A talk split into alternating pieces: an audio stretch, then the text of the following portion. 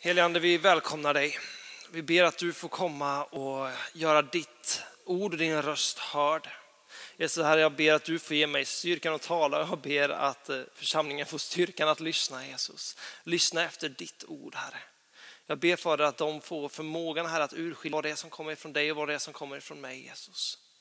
Så att ditt ord får bli predikat, landa i våra hjärtan och förvandla våra liv. Så vi välkomnar dig, helige Ande. Kom och rör vid oss. Öppna våra hjärtan för vad du vill tala till oss idag. I Jesu namn. Amen. Amen.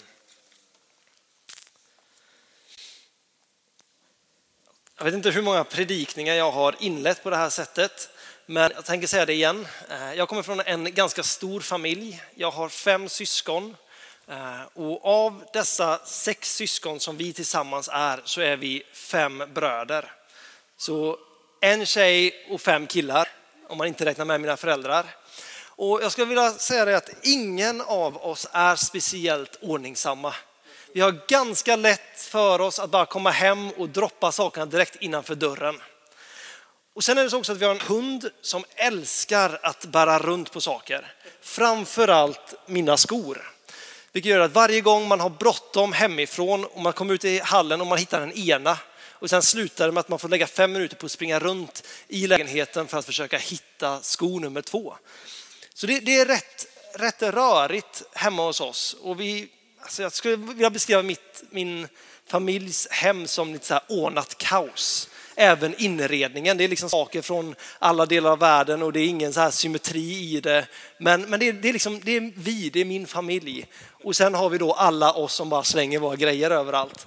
Eh, så mamma brukar alltid vara lite så här när man tar med en kompis hem att aj då, du kunde inte ha förvarnat oss lite.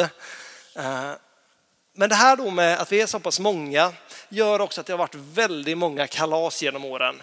Det har varit födelsedagar, det har varit konfirmationer, det har varit eh, studenter. Vi har haft fem studenter än så länge, liksom när huset bara översvämmas av folk. Och jag antar att ni är liknande. vissa av er kanske är så här jättepedantiska så det alltid är snyggt och städat hemma. Men jag tror ändå det är en ganska vanlig trend det här att när man vet att nu får vi gäster, då gör man ett jätteryck. Det är lite som inför jul, ni vet, hur man bara springer runt och man skrubbar överallt, man plockar bort allting. Är det bråttom så slänger man in det under sängen och drar ner påslakanet över så att ingen ser det. Men man vet att det kommer folk och då gör man en jätteinsats för att få det snyggt och hemtrevligt så att folk känner sig välkomnade när de kommer. Och jag vet inte hur det är med er, men för mig var det alltid så när jag växte upp att om det var någon av mina syskon som skulle ha kalas, om det var min brors student till exempel, så blev det alltid det här, det blev det kollektiva i familjen, att nu städar vi. Och det var alltid den här bittra rösten inom en som sa liksom att men det är inte jag som ska ha kalas. Varför ska jag städa om det är hans kompisar som ska komma? Det var alltid den där lilla, lilla rösten. Och om vi då höll på att röja hemma och så ser man då den här, det här syskonet som ska ha kalaset ligga på soffan eller sitta väldigt länge på toaletten. Då, då blev man alltid så här, mm, det, det skavde. Därför då tänkte man att här sliter jag för din skull och så sitter du bara där. Sen har jag märkt att det är ett släktdrag, liksom, vi är alla väldigt duktiga på att bara försvinna när det är någonting som behöver göras. Till, till min mammas stora förtret. Men det är lite så det, det, går till hemma hos oss. Och det blir alltid det här kaoset när någon ska komma. Så jag kan relatera ganska mycket med Marta. Men det här är också på en så mycket större skala. Här kommer Jesus till en by och Jesus är inte vem som helst utan han är liksom den lokala traktens kändis. Det är som om i Lysekil om Mustafa Mohamed skulle komma hem till oss, för där kommer han ifrån. Eller Fredrik Risp som har spelat i både landslaget och, eh, och Blåvitt. Om han skulle komma, då, då är det liksom det finaste man ska bjuda på. Jag kan lova er att det inte är sju sorters olika småkakor och kaffe som det bjöds på, liksom, utan här kommer traktens kändis. Då vill man göra det snyggt. Och det är svårt att läsa ut ur texten vad det egentligen är som händer, men jag tror att Jesus kommer ganska spontant hem till Marta och Maria. Och han kommer hem och Marta får full fart i att ordna allt det som behöver ordnas, förbereda allt det som ska göras. Därför hon vill vara en bra värdinna.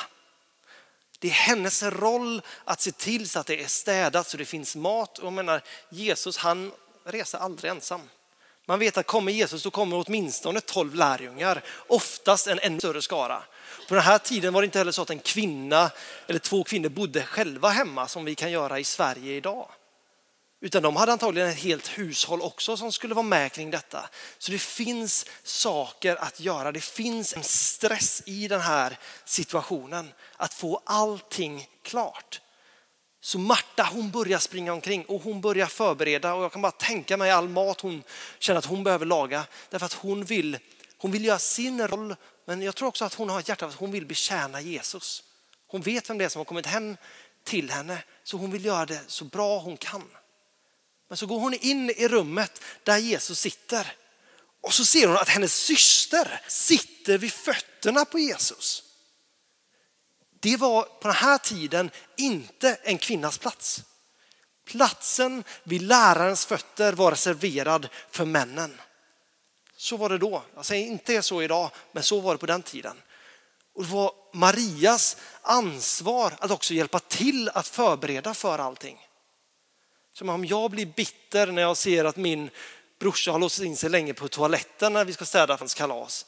Tänk då Martas reaktion när hon slavar i köket och gör allt det som behöver göras. Så kommer hon in och så ser hon hur Maria bara sitter där vid Jesu fötter. Jag kan förstå ilskan. Jag tror att de flesta av oss, vi skulle koka över för mindre. Men hon, hon nöjer sig inte bara med att se detta utan hon går fram till Jesus och så säger hon så här. Herre, bryr du dig inte om att min syster har lämnat mig ensam att sköta allting? Säg nu till henne att hon hjälper mig. Det är ganska rakt. Hon vänder sig inte till sin syster utan hon vänder sig till Jesus och säger Jesus, säg till henne att hjälpa mig. Men Jesus svarar henne, Marta, Marta, du gör dig bekymmer och oroar dig för så mycket, men bara ett är nödvändigt. Maria har valt den goda delen och den ska inte tas ifrån henne. Maria har valt den goda delen. Ett är nödvändigt. För mig blir det så här, man, man vet att det finns en sak som är nödvändig och det är, det är Jesus. Det är ganska tydligt i texten att det är Jesus som är nödvändigt. Men det finns någonting här i, i skillnaden mellan Marta och Maria. För jag är helt övertygad om att Maria är medveten om allt det som behövdes göras i hushållet. Men när Jesus kommer in, när Jesus kommer in i hennes hus, in i hennes tillvaro, in i hennes närhet, så sätter hon allt annat åt sidan och sätter sig vid Jesu fötter. För det finns någonting när Jesus kommer in som drar henne till hans närvaro. Martas fokus däremot det blir på allt det här andra som behöver ordna, allt det som behöver förberedas och allt det som behöver läggas, till, läggas på plats. Och det, här, det här är viktigt när vi läser den här texten. Jag tror inte att Jesus säger till Marta att det är fel att vara en bra värdinna. Det är fel att vara gästfri. Det är fel att förbereda allting som finns där hemma. Därför vid andra tillfällen säger Jesus så här. Eh, Matteus 10, 41. Den som tar emot en profet för att det är en profet ska få en profets lön. Och den som tar emot en rättfärdig man för att det är en rättfärdig man ska få en rättfärdig mans lön. Och den som bara ger till en av dessa små en bägare friskt vatten därför att det är en lärjunge, jag säger er sanningen, han ska inte gå miste sin lön. Hebreerbrevet 13.2 säger, glöm inte att visa gästfrihet. För genom gästfrihet har några fått änglar till gäster utan att veta om det. Jesus säger inte att vi ska vara en konsumeringskristenhet när vi har mentaliteten att allt jag ska göra är att sitta vid Jesu fötter och bara ta emot och ta emot och ta emot och allt annat kan bara glömmas. Det är inte det Jesus säger. Därför i andra ställen så uppmanar han att vi ska vara engagerade, att vi ska vara aktiva, att vi ska tjäna. Jesus säger tjäna andra så som jag har tjänat er.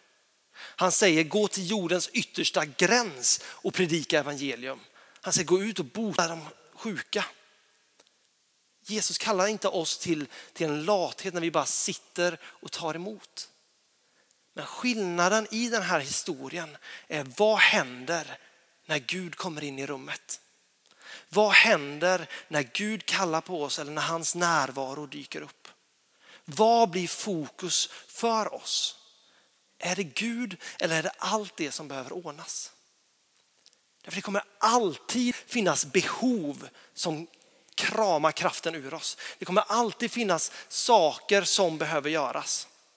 Jag är inte pastor, jag har aldrig varit pastor, men jag har hört, hört så många undervisningar där en talare har sagt till pastorer, en av de viktigaste lärdomarna som ni kan göra, det är att inte bara se till behovet i en församling, utan se vad är det Gud vill göra. Därför behoven kommer alltid vara oss övertaliga. Det kommer alltid finnas mer behov än vi kan tillfredsställa, än vad vi kan möta. Men om vi gör det som Gud säger åt oss att göra så kommer saker att få falla på plats. Jesus säger i Matteus 6.33, sök först Guds rike så ska ni få allt det andra också. Och det är ett sammanhang när han pratar in, in i människors liv, när de försöker när de lägger sitt fokus på hur kan jag försörja mig, hur kan jag få vad jag behöver. Och Jesus säger sök först mitt rike så ska ni få det andra också. Det är samma sak på ett personligt, på ett individuellt plan. Det finns alltid saker som behöver göras. Det finns alltid behov från andra människor i vårt sammanhang, i vår familj som behöver göras. Men vad händer när Jesus dyker upp in i våra liv? Jag såg en bild på Facebook för ett par dagar sedan. Ni vet, de hade kommit upp lite text och så är det någon liten så här catchy, eh, catchigt skämt. Och så är det i alla fall en liten pojke som säger så här. Det här med att vara vuxen, det verkar rätt lätt. Om någon frågar mig hur jag mår så säger jag bara, jag är trött. Och så kommer de svara, ja det är jag också. Det verkar inte så svårt. Men är det så livet är tänkt att vara? Att vi ska släpa oss från en dag till en annan, ständigt trötta, ständigt längta efter att få vila ut. Jag tror inte det. Jag tror inte meningen, jag tror inte det är det Gud talar om när han säger att han vill ge oss frid, han vill ge oss vila, han vill ge oss kraft. Allt förmår jag i Herren som ger mig kraft, läste vi i Filipperbrevet 4.13 förut. Och jag vet nu här att vissa kanske sitter här och tänker att han är en 23-årig singelkille, vad har han på sitt schema? Liksom? Han har ingen familj som han behöver försörja. Alltså, jag förnekar inte behoven.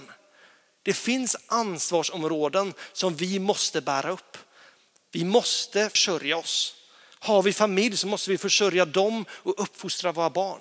Är vi student så måste vi plugga, även om det är in på småtimmarna ibland, så måste vi göra det. För det finns ansvar som vi har. Frågan blir när Gud kommer eller när Gud kallar, vad är det som är det viktiga? Vad är det som blir prio ett? Är det att vi ser alla behov så vi inte har tid att möta med Gud? För så var det för Marta. Marta såg allt som behövdes göras så att när Jesus själv sitter i hennes hus så finns det så mycket saker som hon vill göra för honom att hon missar hans närvaro. Men Maria, när hon ser Jesus så vet hon sin plats. Hon vet att hon får komma till honom. Det andra det kom sen. Jag lovar att hon stod säkert och diskade efter maten sen. Det hade inte förvånat mig. Men för henne så var Jesu närvaro det var platsen. Och Jesus säger, hon har valt den goda delen och det ska inte tas ifrån henne. Och jag tror att Jesus är den perfekta förebilden. Och när vi kollar på Jesus så ser vi också att han var människa precis som vi.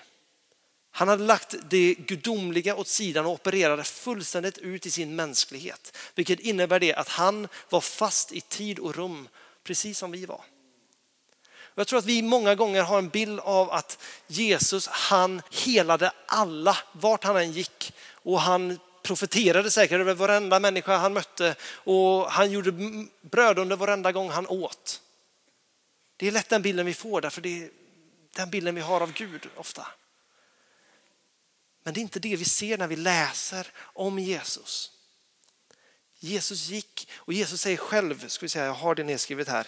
Johannes 5, 19 så säger han så här. Amen, amen säger jag er. Sonen kan inte göra något av sig själv utan endast det han ser fadern göra. Ty vad fadern gör, det gör sonen.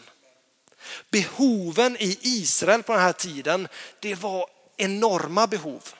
Det finns berättelser om hur Jesus kommer upp till templet där det finns förlamade människor.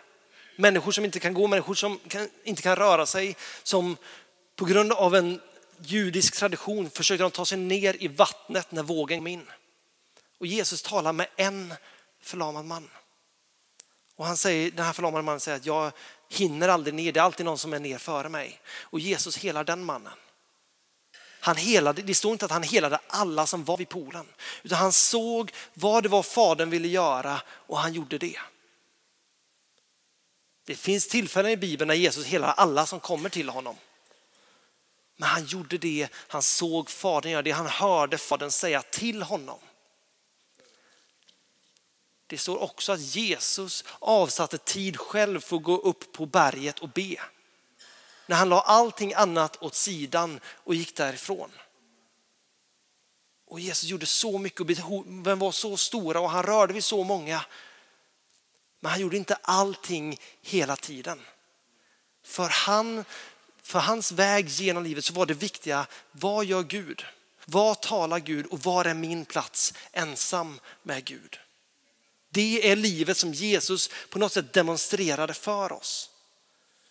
Och det är så lätt för oss att bli fast i allt det som behöver göras. Allt det vi ser runt omkring oss. Ta bara Linnéaförsamlingen. Jag är övertygad om ni kom till Jakob och frågade, får jag engagera mig i det här eller det här eller det här? Så skulle han säga, visst, var med. Därför det är en sån församling vi är. Vi vill att människor aktiverar sig, vi vill att människor tjänar. Tjänande är bibliskt. Men jag tror det är bättre att göra en sak som Gud har sagt åt oss att göra helhjärtat än att göra tio saker halvhjärtat. Frågan blir, vågar vi ge våra scheman till Gud? Det står så här i Matteus 11, 28 till vers 30. Kom till mig alla ni som arbetar och är tyngda av bördor så ska jag ge er vila. Ta på er mitt ok och lär av mig för jag är mild och ödmjuk i hjärtat. Då ska ni finna ro för era själar. För mitt ok är milt och min börda är lätt. Det är ett fantastiskt löfte. Ni som är trötta och ni som arbetar, kom till mig och jag ska ge er vila. Ge er mitt ok så ska jag ge mitt till er. Psaltaren 23 han säger att vi ska få vila på gröna ängar. Han säger att vår bägare ska få flöda över. Jag vet inte, om, om ni är bara lite som jag så är det inte säkert att ni känner igen er i de löftena alltid. Men frågan blir då, vågar vi ge våra scheman till Gud? Vågar vi fråga Gud, Gud vad är det som du har för mig i den här säsongen? Vad är det som är en prioritering för mig i den här säsongen? För bara ett par veckor sedan så fick jag ett erbjudande om att vara med och planera en nyårskonferens en nyårskonferens som jag har varit på flera gånger, som jag tycker är skitbra. De står för väldigt mycket av det som jag står på och jag tyckte wow, ett sånt förtroende, wow, en sån möjlighet och vad kul det här skulle vara att vara vad jag skulle få växa av att vara med och göra detta. Det var ett oerhört attraktivt erbjudande. Samtidigt som de tankarna kommer så bara känner att det är någonting i mig som inte riktigt får fri. Och jag började be lite över det, jag började känna lite över det. Och det enda jag kände var att om jag tackar, gott, tackar jag till detta som egentligen är gott, det som är bra, det som är positivt för mig, så kommer det ta av min tid från någonting annat. Jag kände väldigt tydligt att Gud talar till mig då om att det finns någonting annat som jag vill att du ska lägga ditt fokus på den här hösten. Så jag tackade nej till det erbjudandet. Jag säger nu bara ett par veckor senare så är jag så glad att jag tackade nej. För det första så har andra dörrar öppnats som, jag, som passar mig ännu bättre. Som jag känner att Gud trycker på ännu mer. Men jag känner också att allt det som jag gör nu på daglig basis, det skulle bli en börda eftersom att jag hade haft det här andra hängandes över mig. Vågar vi komma med våra liv, våran vardag till Jesus. Sätta honom i centrum och se Gud, vad är det som är viktigt i den här perioden? Ni vet, vi lever i en tid när allting händer, ska hända så här. Det är någonting positivt i vårt samhälle av att vara upptagen. Och att hela tiden hålla på med någonting. Vilket gör att så fort vi är lediga eller så fort vi möter någon som vi inte vill kolla i ögonen så tar vi upp telefonen eller vi hittar en metro på spårvagnen. Därför det är hela tiden någonting som pågår. Det är så mycket intryck. Men i allt detta kaos känner vi igen Gud när han kommer in i våra liv, in i rummet där vi sitter, in i våran vardag. När Gud kallar på oss har vi tid att lägga undan saker, att komma till honom. Har vi tid att precis som Jesus lägga undan och gå och spendera tid med Gud? Jesus säger till Marta, ett är nödvändigt. Ett är nödvändigt. Vår tid med Gud, för det, precis som det står i Matteus 6.33, allt det andra kommer komma därtill. Gud kommer förse oss med det vi behöver. Men Gud måste få vara centrum i vår tillvaro, i våra liv, även i vår familj. Om Jesus får vara centrum där, om vi tillåter oss själva att faktiskt sitta vid hans fötter och inte bara tänka jag måste göra detta för Jesus, jag måste göra detta för Jesus, utan sätta sig vid Jesus och Jesus säger kom nu gör vi det här specifika tillsammans. Jag lovar er, frukten kommer bli så mycket rikare. Därför ni kommer ha energin till att göra. Det kommer komma därför det går på hans villkor. Vi har så mycket i Bibeln, så mycket i kyrkan, så många predikningar som uppmanar oss om och om igen att så här ska vi leva ett kristet liv, det här ska vi göra, det här ska vi göra. Och det är så lätt att vi gör en checklista. Det här gör jag för att vara en bra kristen, det här gör jag för att vara en bra kristen, det här ska jag göra för Jesus, det här ska jag rädda världen för Jesus. Jag kan inte rädda världen för Jesus. Bara Jesus kan rädda världen. Jag kan inte ens hela någon, bara Jesus kan hela någon. Men att se i vår vardag på något sätt, Gud var är du, vad gör du? Vad vill du att jag ska lägga mitt hjärta i? Så kommer vi få se en helt annan bild. För behoven kommer alltid att finnas. Det kommer alltid finnas mer behov än vad vi kan bemöta. Men om vi tar oss tid, om vi tillåter oss själva att komma till Jesus så kommer vi få se så mycket mer än vad vi någonsin hade kunnat göra i egen kraft. Vi lever i ett samhälle idag när utbrändhet är, ja, det är väl antagligen en av de vanligaste sjukskrivningarna. Folk är trötta, folk är slitna. Jag förnekar inte utbrändhet, men jag tror att så många gånger är det för att vi försöker göra så mycket i egen kraft. Och ärligt talat, så många gånger gör vi bra saker men i fel tid. Därför vi tar på oss mer än vad vi klarar av. Men så länge vi gör det som Jesus säger åt oss att göra så kommer vi ha kraften. För att löftet om att hans ok ska komma till oss då måste vi faktiskt gå till honom och lämna vårat ok. Vi måste faktiskt komma och sätta oss vid honom och säga Jesus, här, det här bär jag, ta det. Och han får ge oss vila. Men vi måste först och främst gå fram till honom. Vi kallar det till att tjäna, men vi kallar det till att tjäna rätt. Tjäna honom med hans vilja. På hans ord, på hans uppdrag.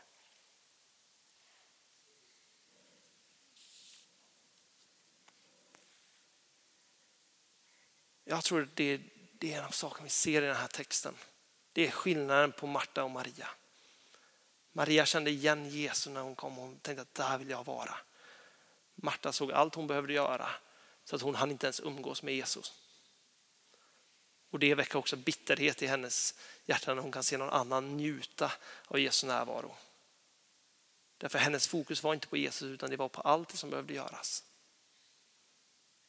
Tänk om vi som församling får fokusera på det Jesus vill göra i Linnéakyrkan, genom Linnéakyrkan. Istället för alla de små saker som vi själva vill åstadkomma inom Linnéakyrkan. Det finns en lång, lång lista med vad jag längtar efter att se i kyrkan. Men frågan är, är det vad Gud vill göra just nu? Är det det Gud gör ibland oss just nu? Är det inte det, men då lägger vi det på hyllan tills tid. Därför det som bär frukt, det är det som är kopplat till stammen, som det står i Johannes 15. Det är bara när det är kopplat till stammen som grenarna kan bära frukt. Och det är bara vid Jesus där som det sker. Ett är nödvändigt, säger Jesus. Och han säger också det till, till Marta, att jag tänker inte ta det från Maria. Jag tror det här har egentligen inte med, med predikan att göra, men jag tror också bara, jag vill säga det. Att om det finns någon här inne idag som känner att de inte riktigt räcker till. Om ni känner att eh, ni känner er diskvalificerade eller uts, utstötta åt sidan. Så tror jag det finns ett löfte hos Gud i den här texten också. Maria som kvinna på den tiden var inte tillåten att sitta vid lärarens fötter. Det gick emot hela kulturen. Men Jesus lät henne sitta vid sina fötter jämställt som vilken lärjunge som helst. Jag tror att om du är här inne som behöver höra de här orden idag så tror jag bara Jesus vill säga att hos mig finns en plats där du är accepterad, där du är sedd, där du är älskad och där du inte behöver prestera. Du behöver inte åstadkomma någonting, du behöver inte fixa till dig själv. Du behöver inte fixa till ditt eget hus för att få komma och sitta vid hans fötter och få vila. Utan det är att komma precis som du är. Precis som den du är. Och Jesus säger, jag tänker inte ta det ifrån dig. Du har valt den goda delen genom att komma till mig och jag tänker inte ta det ifrån dig. Det spelar ingen roll vad andra människor säger. Vad andra människor tänker och tycker om en. Om vi kommer och sätter oss vid Jesu fötter så säger Jesus att du har valt den goda delen och du hör hemma här. Vågar vi ge våra liv, vårat schema, våra behov till Jesus? Vågar vi lägga ner det inför hans fötter och faktiskt fråga Jesus, vad är din vilja i mitt liv idag? I mitt liv i den här säsongen, i den här tiden? När vi gör det och vågar faktiskt höra svaret så tror jag att det finns ett liv som, där vår bägare får flöda över. Där vi får vila på gröna ängar. Där vi får ta emot hans frid, för hans ok är milt och hans börda är lätt. Men vi måste våga komma till honom. Vi måste våga ge han utrymme att verka och jobba i våra liv. Det kan vara någonting som känns oerhört attraktivt, någonting som känns oerhört positivt. Men om Jesus säger att det finns något annat du ska lägga din tid på, så gör det, därför det kommer berika ditt liv på ett helt annat plan än det som är gott i våra ögon. Vi ber tillsammans. Jesus, vi tackar dig för att ditt ok är milt och din börda är lätt. Vi tackar dig Jesus för att vi var och en får sitta vid dina fötter. Vi tackar dig Jesus för att du är det enda som är nödvändigt för att ge oss frihet, frid och hopp mitt i våra liv. Jag tackar dig Jesus för att det är i dig som det finns liv och liv i överflöd. Så Helande, jag ber att du får leda oss var och en till den platsen. Led oss till den platsen där du får leda oss genom livet. Tack Jesus. Amen.